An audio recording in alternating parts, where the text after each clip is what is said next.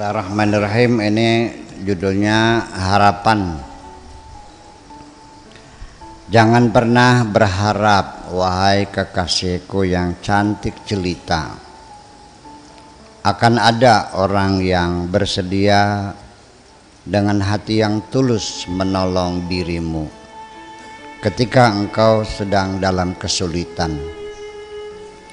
Selama engkau masih tinggal di dunia ini, kebanyakan orang paling tidak hanya memberikan pandangan terharu atau ucapan sungkawa. Setelah itu, mereka akan kembali lagi menghadapi kesibukan-kesibukan sendiri, termasuk surat-surat cinta yang kulayangkan ke hadapanmu. Wahai kekasihku, kutulis dengan bukan dengan tinta Kutulis bukan dengan tinta, melainkan kutulis dengan air mataku. Itulah sebabnya surat-suratku sering datang terlambat karena membawa kertas-kertas yang basah. Untuk itu, jalani sajalah kehidupanmu apa adanya, sesuai dengan realita yang ada. Tidak usah berlebihan melihat orang lain, supaya mereka tidak menjauh dari dirimu ketika engkau melewati persimpangan jalan. Jangan pernah berlebihan melihat seseorang di atas batas kemanusiaan. Sampai sekarang ini, aku belum pernah melihat seorang manusia yang benar-benar berhati malaikat.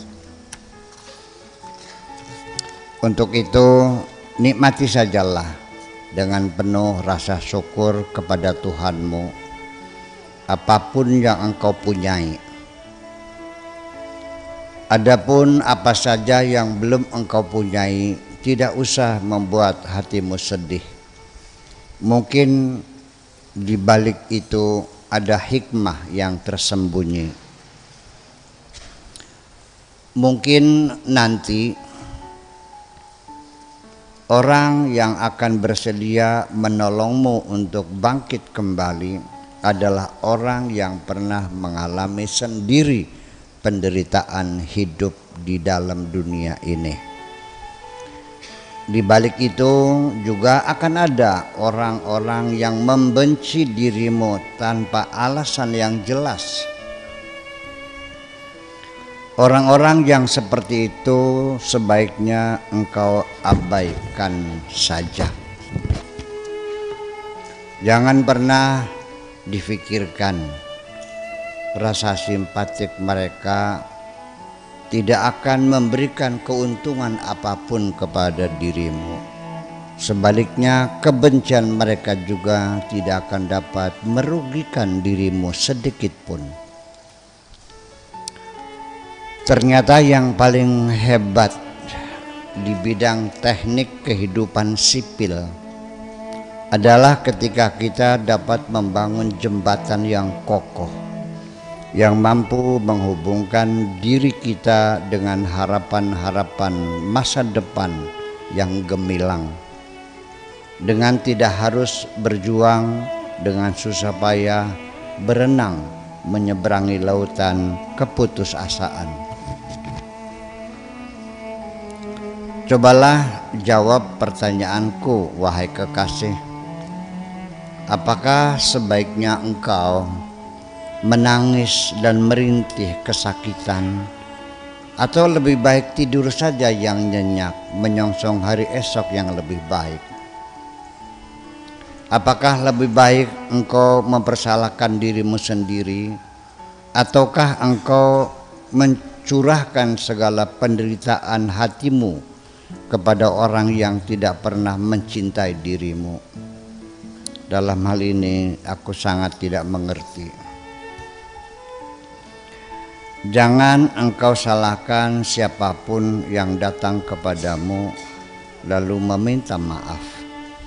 Juga jangan engkau anggap orang itu tidak punya pendirian. Justru sebaliknya, orang yang berani datang dan meminta maaf adalah sebagai tanda orang itu punya kepribadian. Silakan engkau hirup udara pagi yang segar dengan embun yang jernih dan bersih. Tahukah engkau sebabnya, wahai kekasihku? Sebabnya karena udara pagi itu belum bercampur dengan nafas orang-orang yang mengkhianati dirimu.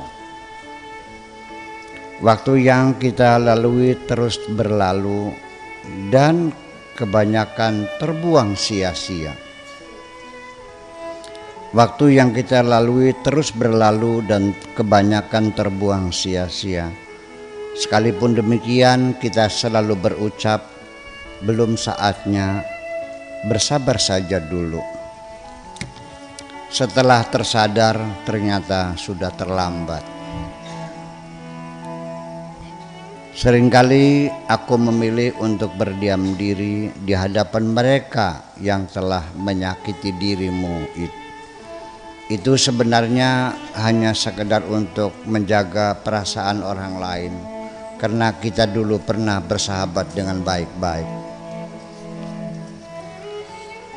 Adapun yang pernah terlewat, apa pun yang pernah terlewat masih selalu mendapat kesempatan lagi untuk diperbaiki dan dibangun kembali, kecuali cinta yang telah terkulai.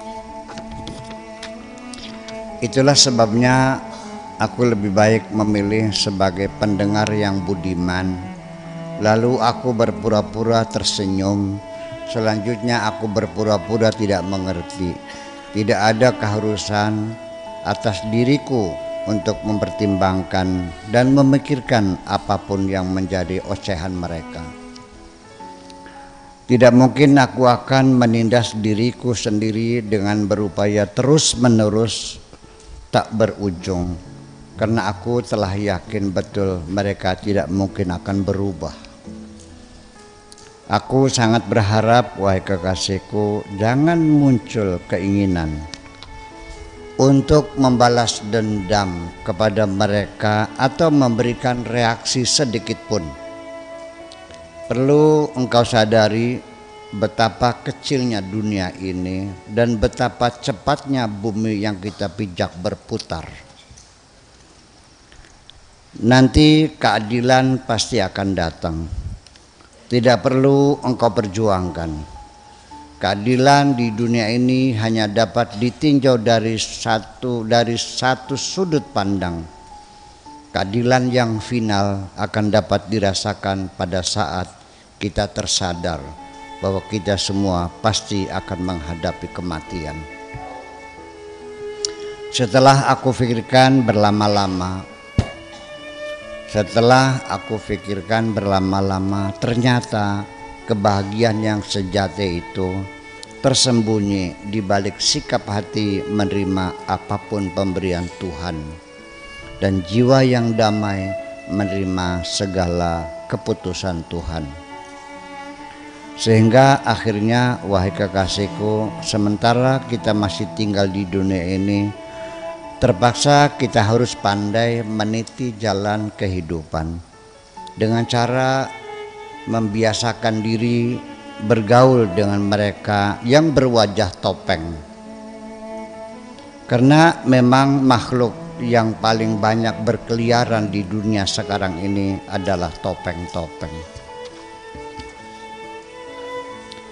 Berhari-hari kita selalu menghadapi kenyataan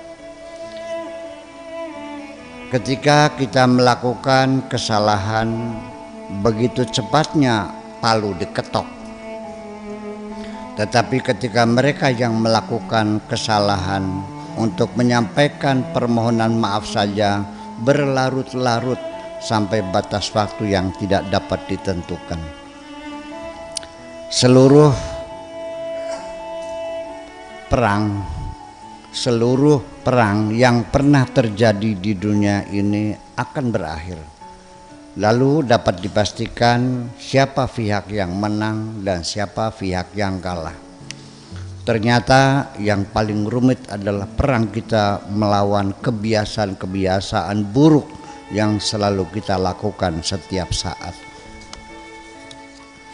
Selanjutnya pastikan saja secepatnya jangan ada keraguan sedikit pun Aku tidak akan menggugat apa pun di kemudian hari. Aku sudah tahu dan sangat paham. Wahai kekasihku, terlalu naif apabila ada anggapan bahwa selaput darah merupakan tolok ukur kemuliaan seorang perempuan. Aku yakin hatimu sampai sekarang masih perawan. Terima kasih.